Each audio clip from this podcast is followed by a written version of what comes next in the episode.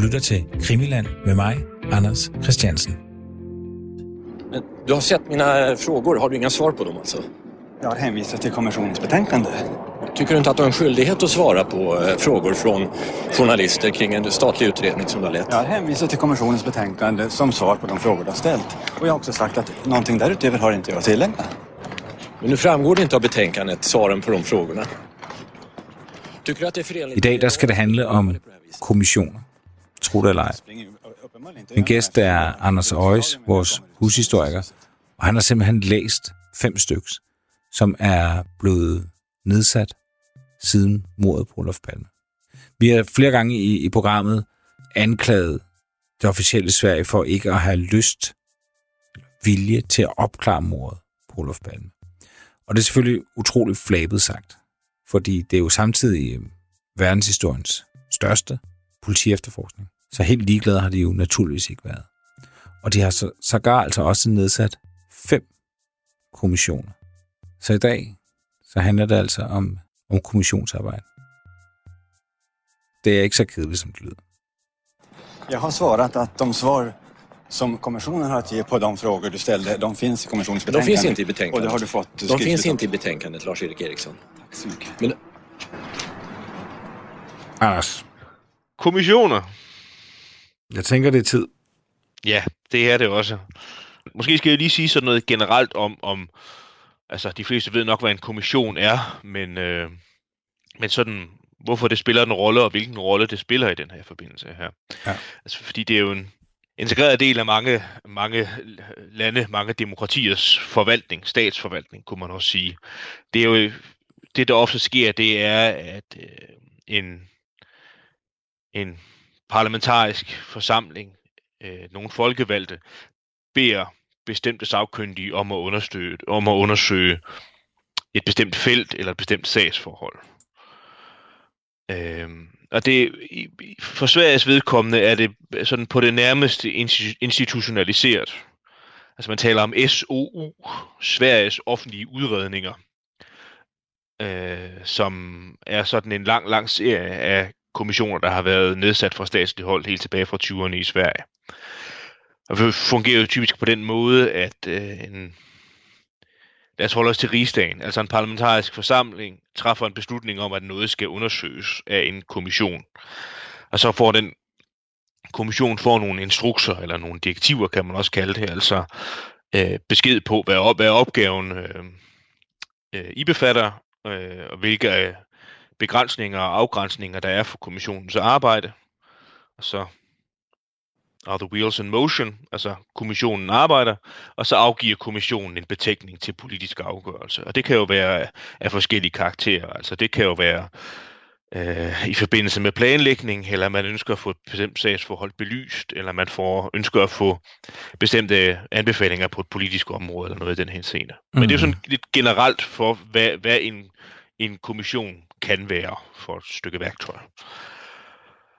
Og øh, i forbindelse med mordet på Olof Palme har der været nedsat i hvert fald fem, eller der har været, været nedsat i hvert fald fem kommissioner, når vi taler om de her SOU'er, altså den, den svenske stats offentlige udredninger. Der har været nedsat fem kommissioner, mm. som øh, jeg har tænkt mig, at vi skulle se, om vi kunne nå rundt om i øh, en og samme udsendelse. Ja. Øh, og og den, den, vi, vi skal forsøge at lægge hovedvægten på grænsningskommissionen, den vi har talt om flere gange, fordi det er den, der er sådan, om man så må sige, mest kød på øh, og flest informationer i. Men, men de andre fire er ikke helt uinteressante heller. Så spørgsmålet er, om vi ikke bare skal gå kronologisk til værks. Jamen, jeg er frisk. Godt. Fordi faktisk ikke så længe efter mordet øh, sker der det øh, dels, at øh, som et hvert velordnet samfund, øh, så begynder man i Sverige også at overveje, om øh, man kan lære noget af mordet på Olof Palme.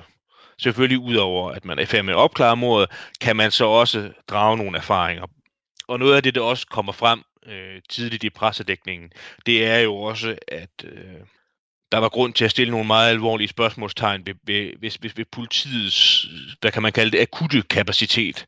Altså øh, politihovedkvarteret, den måde radiokommunikation fungerede på, den måde henvendelser fra pressen fungerede på, øh, den måde øh, den umiddelbare øh, eftersøgelse af morderen øh, fungerede, var der jo også nogle sådan, en del kritiske spørgsmål til, om man havde håndteret det korrekt. Så der var den, den første kommission, juristkommissionen hed den, og det hed den, fordi den, det, det primært var sagkyndige jurister, man bad om at undersøge øh, et bestemt felt. De blev bedt i det første tilfælde om at undersøge politiarbejdet de første 12 timer. Altså Palme blev myrdet øh, 23-21 om aftenen, og så sker der det cirka 12 timer efter, at der er øh, Lens politimesteren Hans Holmer tilbage, og er den, der overtager roret i efterforskningen. Så bad man den om at undersøge det, der sådan i kommissionens terminologi blev kaldt for de centrale samfundsfunktioner. Det var det, jeg var lidt inde på før. Altså, hvordan øh, statsapparatet som sådan var forberedt på, at øh, en statsminister kunne blive myrdet. Øh, hvordan var de regionale myndigheder forberedte?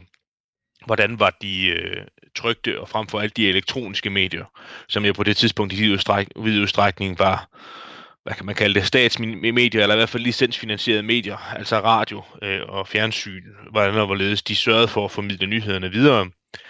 Og så det sidste punkt, man bad kommissionen om at undersøge, det var livvagtsbeskyttelsen af øh, frem for alt ministre i Sverige.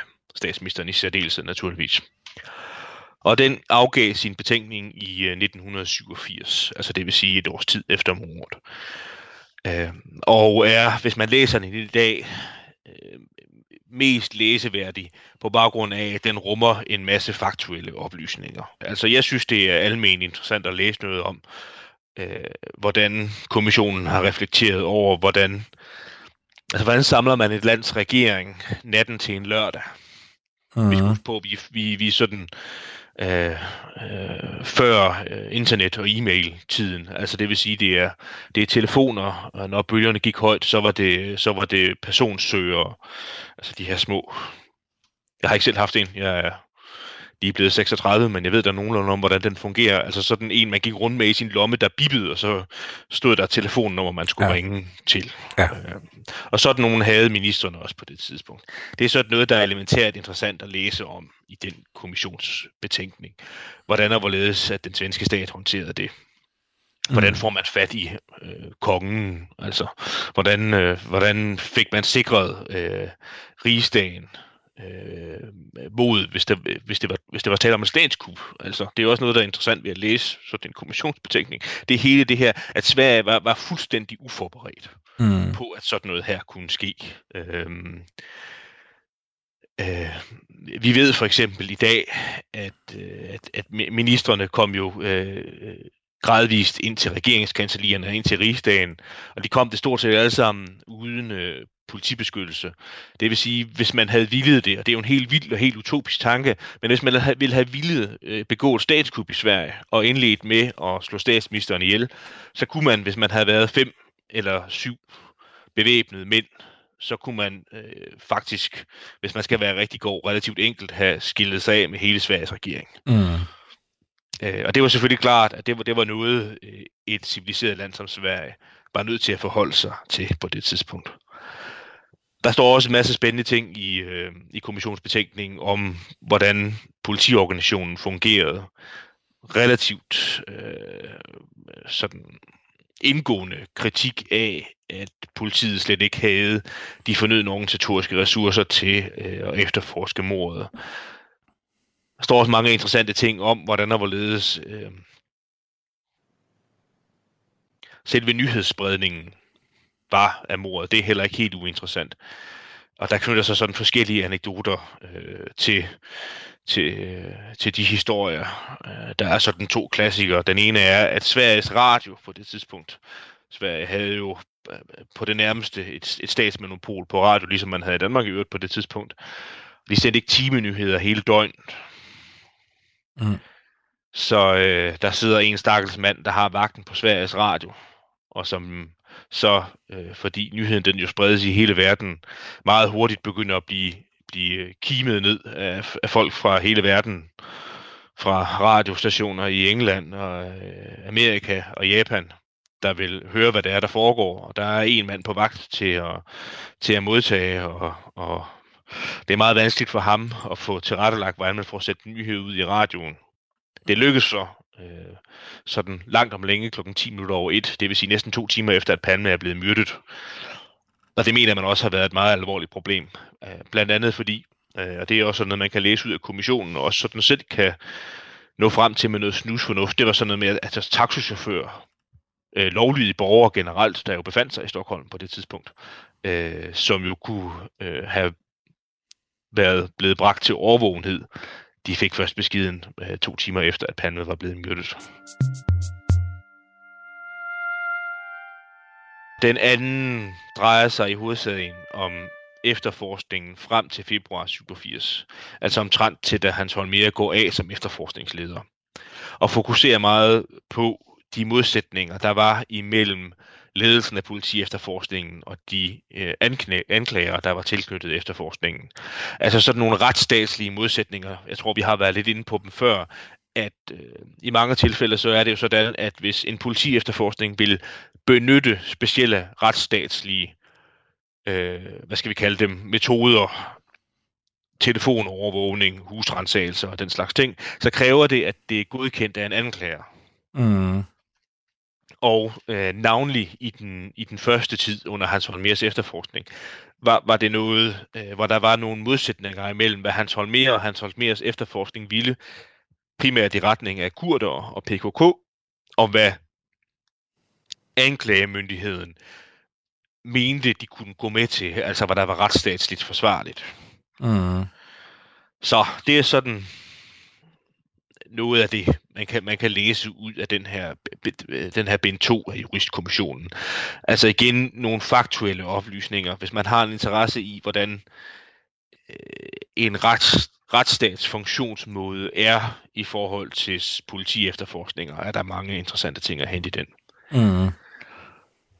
Og så er der frem for alt, det der også er mest nyttigt i dag, det er det, som med, med, med, med kommissionens øh, sprogbrug, et kalendarium.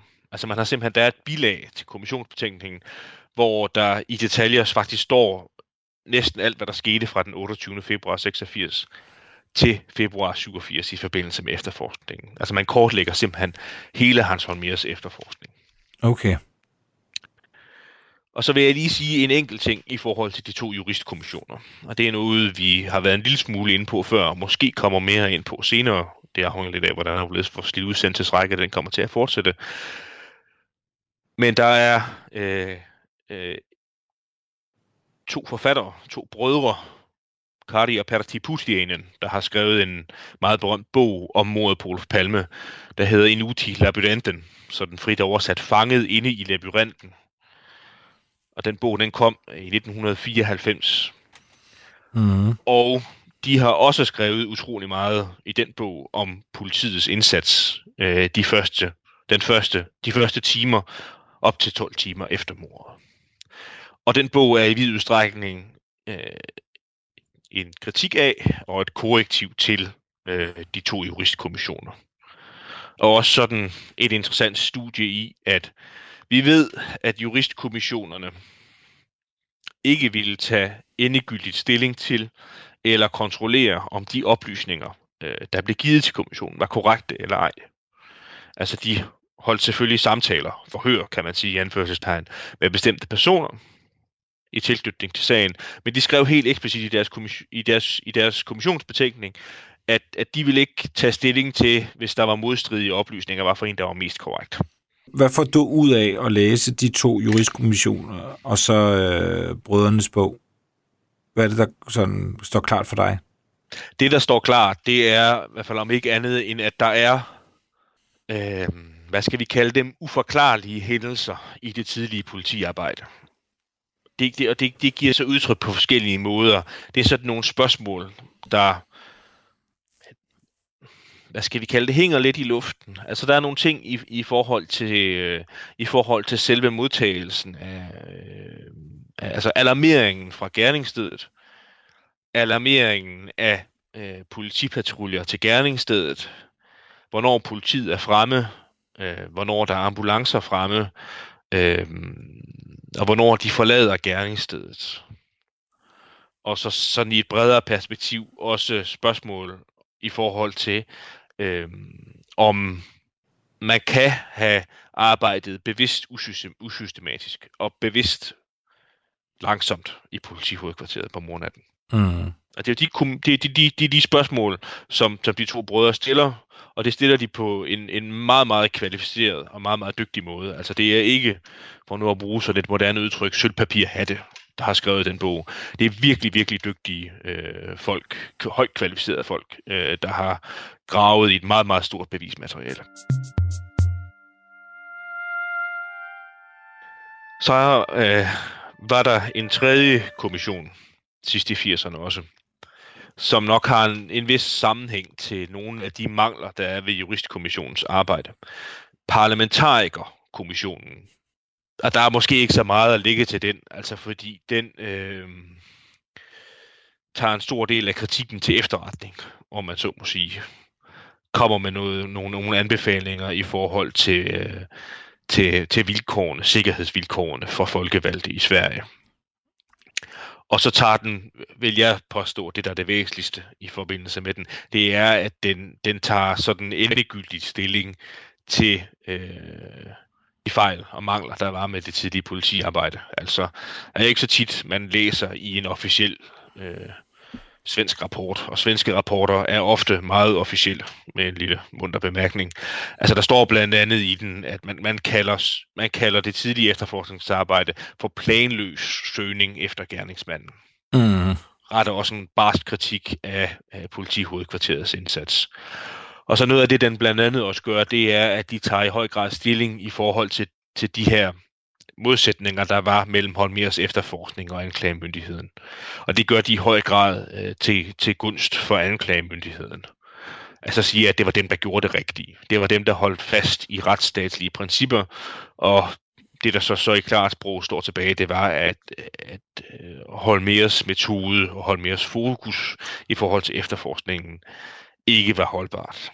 Det står efter efterfølgende står det ret klart, at, øh, at der ikke øh, var specielt meget hold i de mistanker, man havde mod PKK, at øh, efterforskningen blev ledt på vildspor, fordi man fokuserede så mange ressourcer på netop det spor, og ikke på andre mere eller mindre oplagte spor eller tip, bare for den tages skyld, man fik. Hans efterforskning var netop, som vi har været inde på før, var, var villige til at gøre nogle rets, sådan retsstatsmæssige, retsstatsmæssigt betænkelige øh, ting, simpelthen ved, ved folk, der boede i Sverige. Altså, og det drejede sig om, om, om aflytning, og om overvågning, og om, øh, ja, øh, køre ud og hente en masse mennesker og slæbe dem ind til forhør og den slags ting. Mm. Så det var en, det var en, en, en kommission, der tegnede sådan en, et, et, eller satte et relativt nådesløst, øh, om ikke, ikke punktum, så i hvert fald semikolon for, for hele sådan det officielle Sveriges forhold til Holmers efterforskning.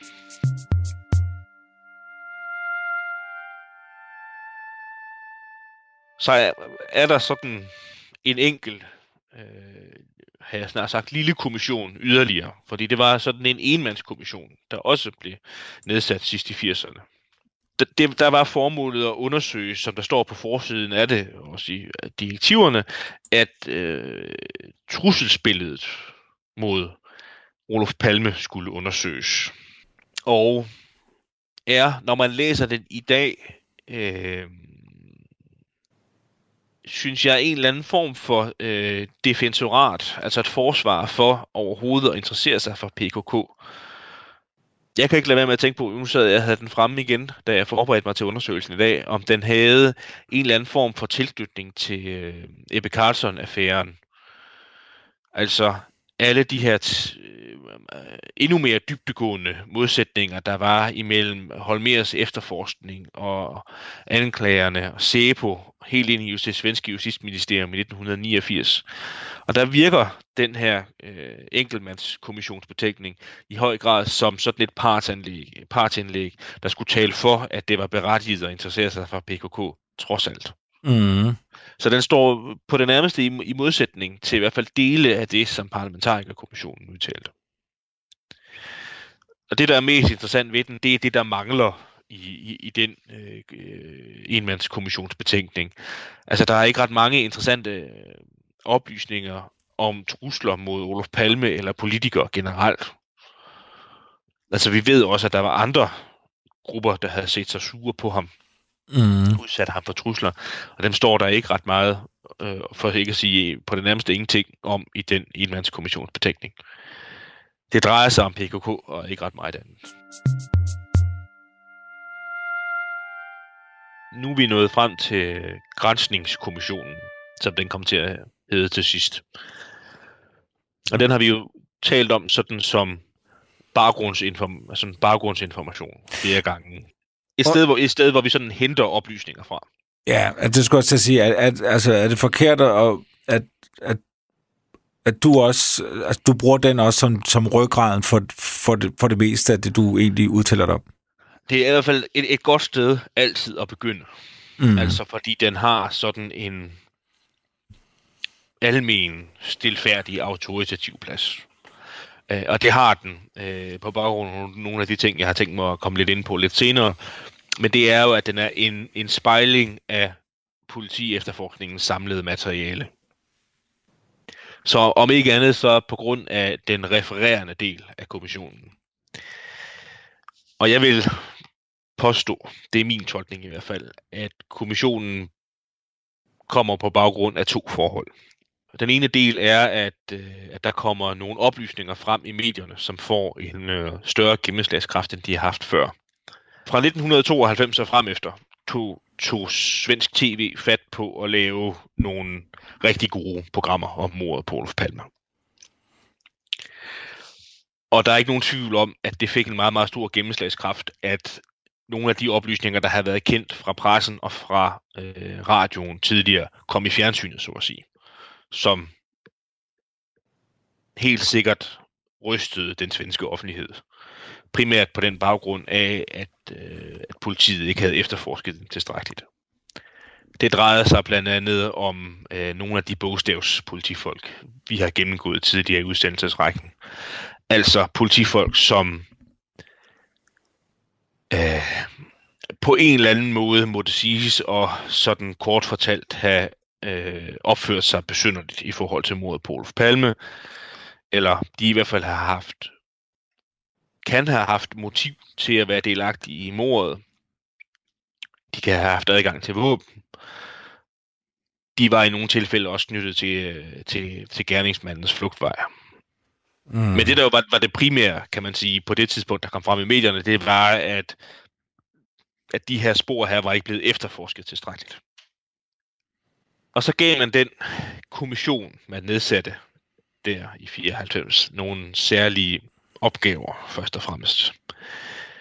Det den primært skulle gøre, det var, om den skulle, den skulle vurdere hele efterforskningen og vurdere, om der var spor eller mistanker, der ikke var blevet tilstrækkeligt efterforsket. Så fik den til særlig opgave at efter, altså undersøge det, øh, der sådan med et samlet begreb blev kaldt for politisporet altså mistanker mod enkeltstående politifolk eller politifolk i forening. Og så fik den så til gengæld så også to øh, afgrænsninger, altså ting, den ikke måtte gøre. Og det ene, det var, at den måtte ikke være, som det blev formuleret, operativt virksom i forhold til at finde gerningsmanden. Altså kommissionen havde ikke til opgave at opklare mordet og udpege en morder. Men i den første fase, der foretog kommissionen sådan egen materiale indsamling. Altså, der var simpelthen flere af øh, aktørerne, der øh, blev kendt ind, ikke til nødvendigvis til forhør, men til samtaler. Samtaler med kommissionens øh, medlemmer, Hans Holmer blandt andet, Hans Ølvebru, øh, flere af anklagerne blev, blev, blev, blev kaldt ind. Så, så, så materiale, altså kommissionen indsamlede sit eget materiale med henblik på arbejdet. Mm. Men det var altså i godsøjne kun ved til 96.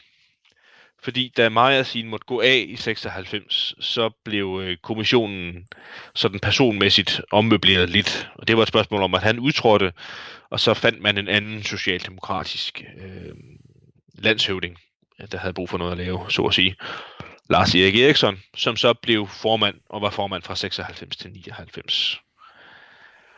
Og den del af kommissionens arbejde skete ud fra en lidt anderledes metode. Altså hvis man skal sige det sådan lidt øh, forenklet, så gjorde Grænsningskommissionen, som den også endegyldigt kom til at hedde der, det, at den læste alt efterforskningsmaterialet igennem. Det var det, der var metoden. Det var at, at, at gennemgå alt materialet, læse, hvad man havde af øh, rapporter fra øh, vidneforhør, øh, sammenfatninger af bestemte mistanker, sammenfatninger af bestemte initiativer, man havde lavet i efterforskningen. Og så danne en kommissionsbetænkning på baggrund af det. Mm. Og så gjorde kommissionen også det, at den bad nogle medarbejdere ved den svenske rigsrevision om at gennemgå efterforskningen med det, Øh, kommissionen kaldte gængs revisionel metode. Altså, man bad jo folk, der sådan til daglig havde opgave at være øh, i simpel forstand så revidere regnskaber, men også kunne give sådan gode forvaltningsmæssige råd til forskellige svenske myndigheder, dem bad man også om at undersøge politiefterforskningens materiale, men frem for alt også politi efterforskningens organisation. Og jeg synes selve den betragtelsesmåde er interessant, altså at man valgte sådan nogle med et fint ord, positivister, altså folk, der havde for vane at omgås tal og skemaer. Bad dem om at undersøge efterforskningen. Og der står en del af de resultater, de kom frem til, står i øh, kommissionsbetænkningen, men så findes der også en, øh, en særskilt rapport fra de her rigsrevisionsmedarbejdere, som, så vidt jeg ved, også florerer nu frit på internettet, efter at, øh, efter at øh, der er så mange dokumenter, der bliver givet fri. Mm. Og så synes jeg også, det er værd at nævne, at man kan også læse nogle kritikpunkter ud af kommissionen. Man kan selvfølgelig altid diskutere, hvor meget øh, de tog øh, den opgave alvorligt med at vurdere, være forpligtet til at vurdere. Men, det, men de gjorde det på nogle bestemte punkter, som, som jeg synes er, er, er interessant at fremdrage.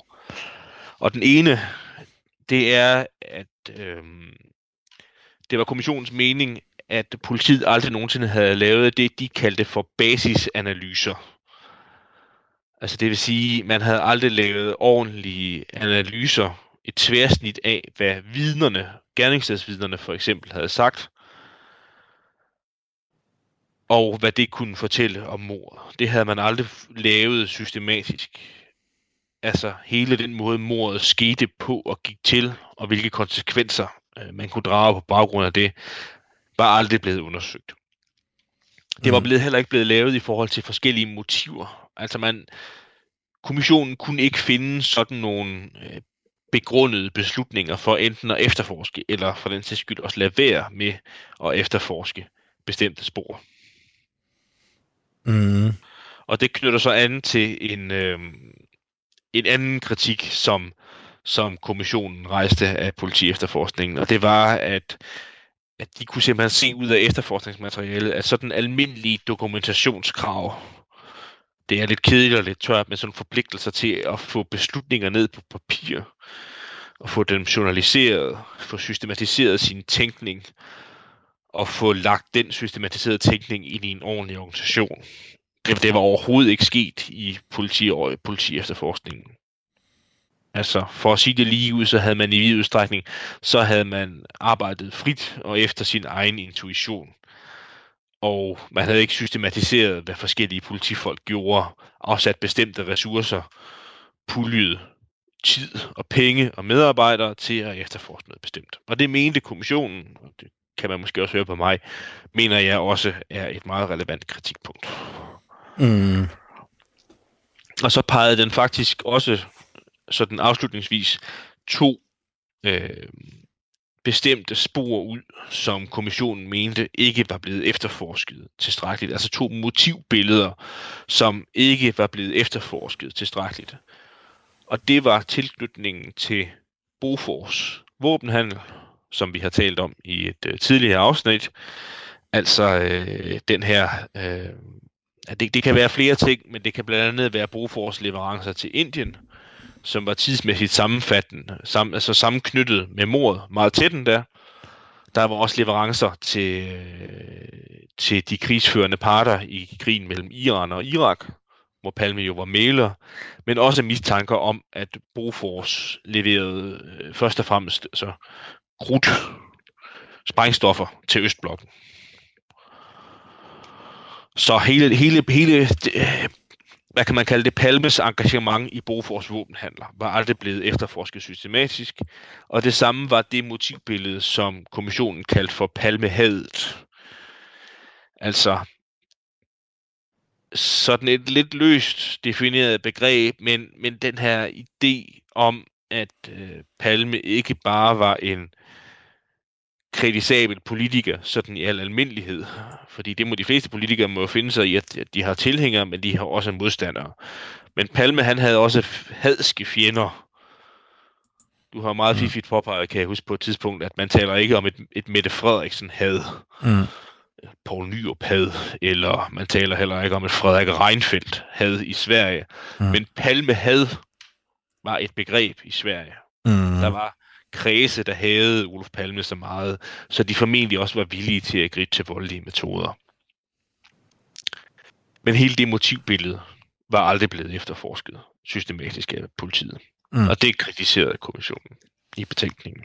Ja, men når du siger, at man laver en grænseskommission, og de så peger på, at en svensk virksomhed på Force, de siger jo ikke, at de er involveret, men de siger, at det der er et spor, vi skal, vi skal følge. Det, det er jo, altså, alvorlige anklager, eller i hvert fald indirekte anklager. Ja. Øhm, altså, jeg, jeg kunne se, altså forestille dig, igen, hvis vi tager det til dansk, øh, Mette Frederiksen, og så er der en kommission, der siger, Mærsk-sporet skal vi have, have gjort mere ved, men, men det er ikke noget, man egentlig... Jeg har jo ikke stødt særlig meget på, at, at Bofors har været ude og, og svede. Nej, og det er så også, øh, kan man sige, en beklagelig konsekvens af, at, at den her kommissionsbetænkning, den kommer jo ikke 13 måneder efter mordet, den kommer først 13 år efter. Øhm, altså, jeg synes, hvis, vi, nu tager vi allerede hul på det med, med, med kommissionens konsekvenser, men det der er at sige grundlæggende om det, det er, at, at så vidt vides, så har den ikke haft nogen dokumenterbare konsekvenser altså politiefterforskningen har ikke, har ikke taget aktivt afsæt i, i nogle af kritikpunkterne og sagt, at vi efterforsker dem mere. Ikke de her refererede. De gjorde en del i forhold til Christa Andersson, fordi det, det kritiserede kommissionen faktisk også. Så det mm. kan være en del af baggrunden for, at man øh, forhørte ham nogle gange i nullerne også. Men altså, ikke, ikke i forhold til, øh, ikke i forhold til, til hverken Beaufort eller, eller, eller, eller Palmehavet. Altså, det fik ikke en direkte kobling til, at, at politiet så, om man så måske gik hjem og gjorde sit hjemmearbejde bedre. Mm. Og altså, jeg ved ikke også nu, Anders, øh, jeg vil bare lige indskyde jo, fordi øh, det på forspor, vi har jo fået bekræftet en ting. Ja, det har øhm, Som vi ikke vidste, inden at øh, alt det her med, at palmeforskningen jo er lukket ned, og så kan vi jo læse nogle af de her dokumenter, som Grænsningskommissionen så også har haft øh, adgang til, men som vi først får fuld adgang til nu her løbende. Og der er jo kommet noget, som i hvert fald bekræfter noget, vi har tidligere snakket om. Ja, det er, vi, vi ved i dag, at Palme fik besked den 28. februar 86. Den dag, han blev myrdet, fik han besked om, at Bofors havde leveret våben til de krigsførende parter i krigen mellem Irak og Iran. Og det ved vi, fordi at der foreligger en sammenfatning af den samtale, Palme havde med Iraks ambassadør i Stockholm på det tidspunkt. Ham, der senere blev meget kendt som informationsminister, det såkaldte komiske Ali. Men der ligger et referat af den samtale, de havde den 28. februar 86, hvor den opløsning er kommet frem. Ja. Og det har kommissionen formentlig også vidst, den har peget i retning af det. Ja. Så det, det var noget, vi har, vi har, vi har snakket om det som om, at det, det var noget, der, der, der var sket, men, øh, men vi har jo ikke helt vidst det, men nu ved vi, at, at det var blandt andet det, de, de snakker om her. Ja. altså, hvis vi lige skal, skal runde af, så kommissionen gør det, at den afgiver sin betænkning i sommeren. Hvis man skal være lidt øh, flabet, så kan man sige i sommerferieperioden 1999. Og der sker det, at betænkningen den bliver offentliggjort, øh, så vidt vides, øh, om morgenen den dag, hvor kommissionen så har indkaldt til pressemøde. Det vil sige, at dem, der måtte være interesserede, de får øh, 1000 siders betænkning, og så får de et par timer til at læse i den. Mm. Og så sidder kommissionen så til på langbænk øh, den sommerdag i 1999, der sidder de der alle sammen og fortæller om deres arbejde og er til rådighed for spørgsmål. Øh, og så går de ellers hjem, og så mener de ikke, at de skal stå yderligere til rådighed i forhold til spørgsmål fra pressen og fra offentligheden. Og det ved vi, fordi øh, vores før omtalte øh, gode forbindelse i Sverige, Lars Bornes, har lavet et i øvrigt meget seværdigt program om betænkningen og kommissionens arbejde. Og offentliggørelsen er det også. Mm. Og jeg synes også, det er værd lige øh, at referere øh, de interessante punkter, der kommer frem i, i forbindelse med Bornes sådan jo journalistiske undersøgelse af kommissionen og kommissionens arbejde. Og det er, at det kommer frem i specifikt i den udsendelse, at øh, kommissionen har øh, gjort sådan det samme metodisk, som nogle af de tidligere kommissioner har gjort. Nemlig, at den foretager ikke nogen kontrol. Altså det vil sige, at øh, hvis den sidder og gennemgår materiale, og der er uklarheder i materialet, eller der er mulighed for at komplettere materialet ved øh, at foretage sådan en opfølgende henvendelse til de personer, der enten er blevet afhørt eller har afgivet oplysninger, så ved vi, at det har kommissionen ikke gjort den har kun refereret, og den skriver også et sted i sin betingelse, så skriver den også, at den er ret bevidst om, at det kan få nogle konsekvenser i forhold til, at øh, hvis den antager, at indholdet af materialet er korrekt, og den ikke er det, så kan det føre til, at kommissionens vurderinger er baseret sig på et forkert grundlag. Så det er sådan en metodisk bemærkning, mm. der er i forhold til, at, at der, kommissionen har ikke, har ikke, så at sige, haft udadvendt virksomhed. Mm. Og så er der to andre bemærkninger, der også er interessante i forhold til sådan særlige detaljer. Og det er, at kommissionen har ikke haft adgang til SEPO, altså den svenske efterretningstjeneste. Den har ikke haft adgang til dens arkiv. Og den har heller ikke haft adgang til at føre samtaler med medarbejdere fra SEPO. Og det har jo haft nogle konsekvenser, fordi vi ved, at øh, det var SEPO, der i de første år modtog alle tipene om øh, politifolk og politifolks eventuelle indblanding i mordet. Mm. Og øh, hvis kommissionen så ikke har haft adgang til SEPOs arkiv og kunne se de dokumenter, der knytter sig til bestemte sager, så er der grænser for, hvor langt de har kunnet komme i efterforskningen. Og både i forhold til det med øh, at foretage kontrol, men også i forhold til arkivadgang og adgang til samarbejde, altså samtaler med SEPO-medarbejdere, så er der ikke rigtig noget, der tyder på, at det har stået specifikt i kommissionens øh, direktiv, at den, den ikke har måttet foretage sig noget på det område. Den er mm. simpelthen ikke engang spurgt. Så det er en selvvalgt begrænsning. Okay. Jeg synes, der er det at sige afrundingsvis, at, at det stadigvæk det er en meget, det, det er en meget, meget vigtig kilde for, for os, der beskæftiger os seriøst med mordet på Olof Palme.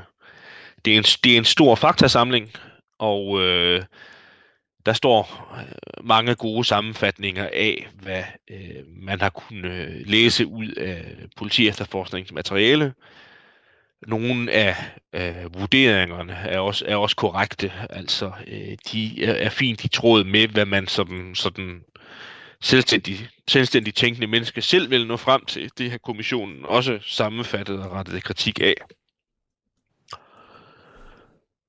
Så sådan i takt med, at øh, mordet er ved at, og sådan, at, at, at glide væk fra at være et aktuelt anlæggende til at være et, et, en begivenhed i fortiden, en historisk begivenhed, så er, er Grænsningskommissionens betænkning en, en helt uomgængelig kilde at tage fat i. Mm. Altså, noget af det, der blev drøftet meget efterfølgende, og som som Bornes også satte sig i spidsen for nogle år, øh, det var, at man mente, man skulle, han skulle, man skulle lave en ny kommission, der havde de beføjelser, og de, for, altså, de beføjelser, som Grænsningskommissionen ikke ville vedkende sig, altså det vil sige adgang til forskellige former for arkiver, men også adgang til at indkalde embedsmænd til at øh, ikke bare til samtaler, men også øh, til at vidne under ed. Det var en mulighed. Det var en mulighed for at komme et spadestik dybere, end Grænsningskommissionen var kommet. Men det materialiserede sig jo aldrig. Det blev aldrig til noget. Mm. Og hvem ved, måske kan det ske en dag igen. Ja, måske. Måske.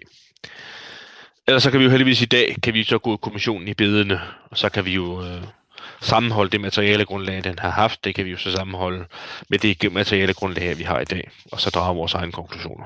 Ja, og indtil videre, er du, er du stødt på noget, hvor du, hvor du tænker, at, at kommissionen har haft galt fat i noget?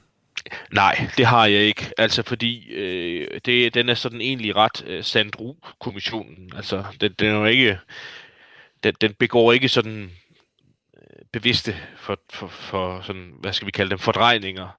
Altså det er mere i, i den der selvvalgte, øh, selvvalgte, øh, hvad skal man kalde det, selv, selvvalgte fravalg af bestemte metoder.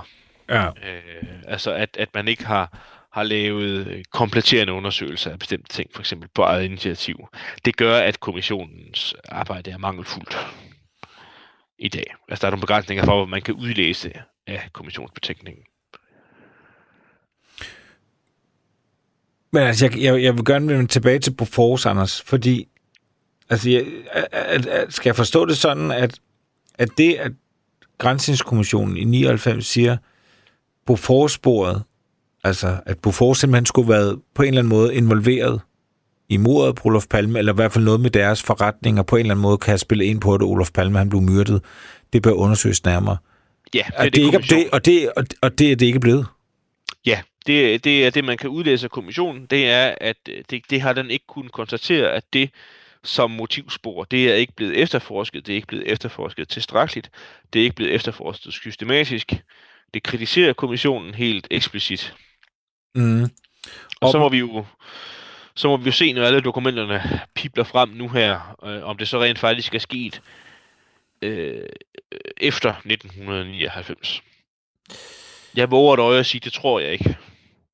Altså indtil videre har jeg ikke set, øh, altså jeg, jeg kunne sige, vi, vi følger jo løbende, hvad der kommer frem øh, af dokumenter. Øh, det er samlet i et, et herligt Excel-ark, hvor man kan se øh, nye dokumenter og indtil videre har jeg ikke der stødt på øh, altså afhøringer, eller hvad det kan være af, af folk, der har tilknytning til, til Bofors. Nej, men, men, men altså, der er et yderligere eksempel på, at, at kommissionens anbefalinger ikke er blevet fuldt, fordi den politimand Ø, vi har talt om flere gange, mm. der, der mener kommissionen sådan omtrent det samme. Ja. At ham skulle man have efterforsket grundigere og mere systematisk. Men øh, det ved vi jo i dag, at øh, det er ikke sådan så, at der foreligger en bunkeforhør fra år 2000 og fra 2001 med politimand Ø, hvor politiefterforskningen tager fat på at indhente det forsømte. Nej, så vidt jeg kan se, jamen er, er han overhovedet blevet afhørt efter 88? Nej, ikke så vidt vidt. Og det var blandt andet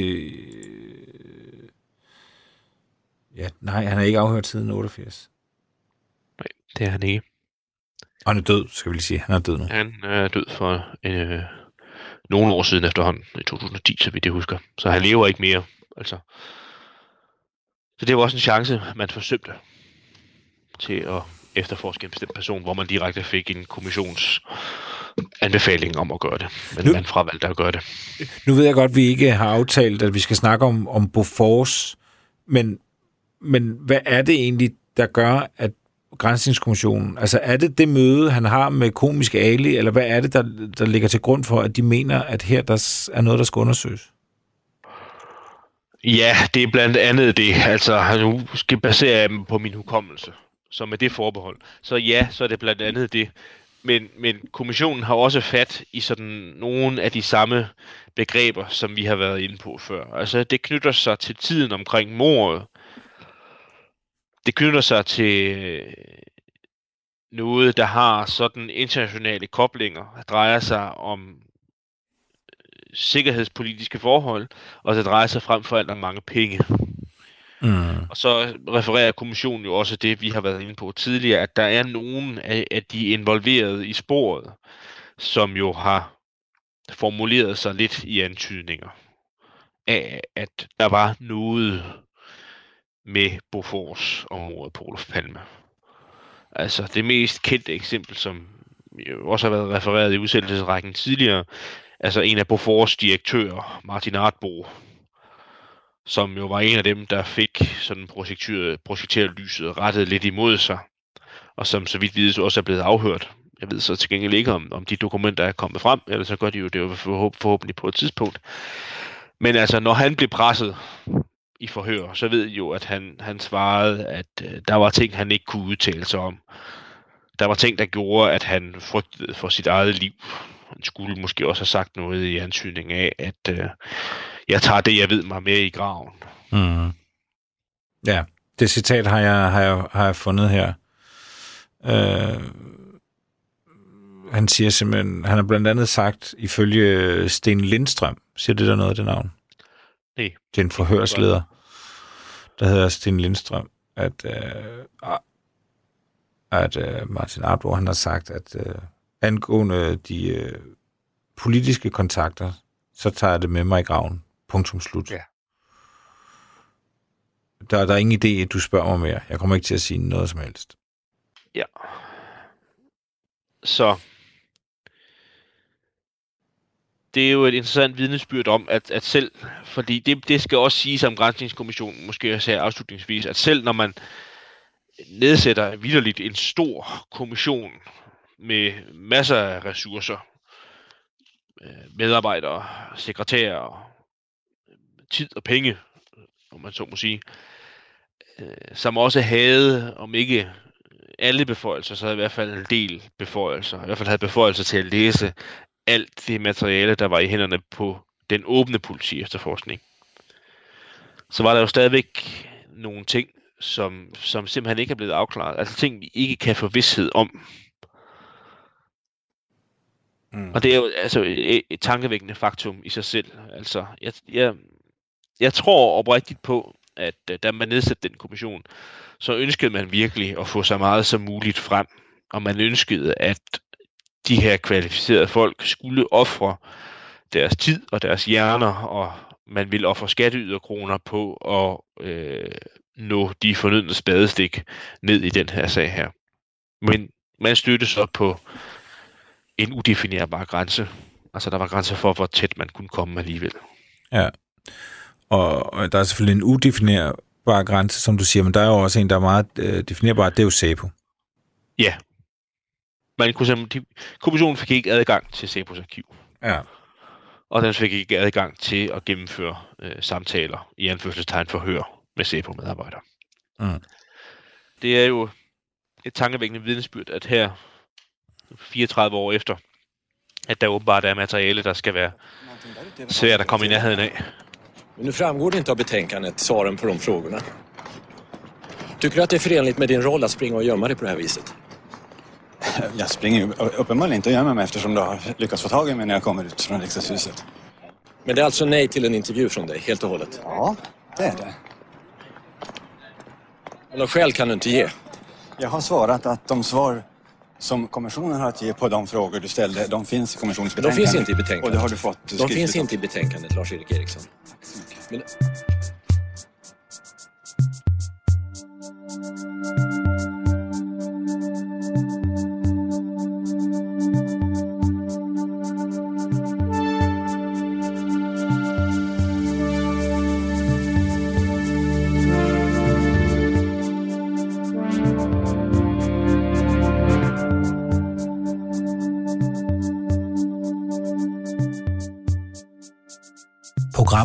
produceret af Wingman Media for Radio 4.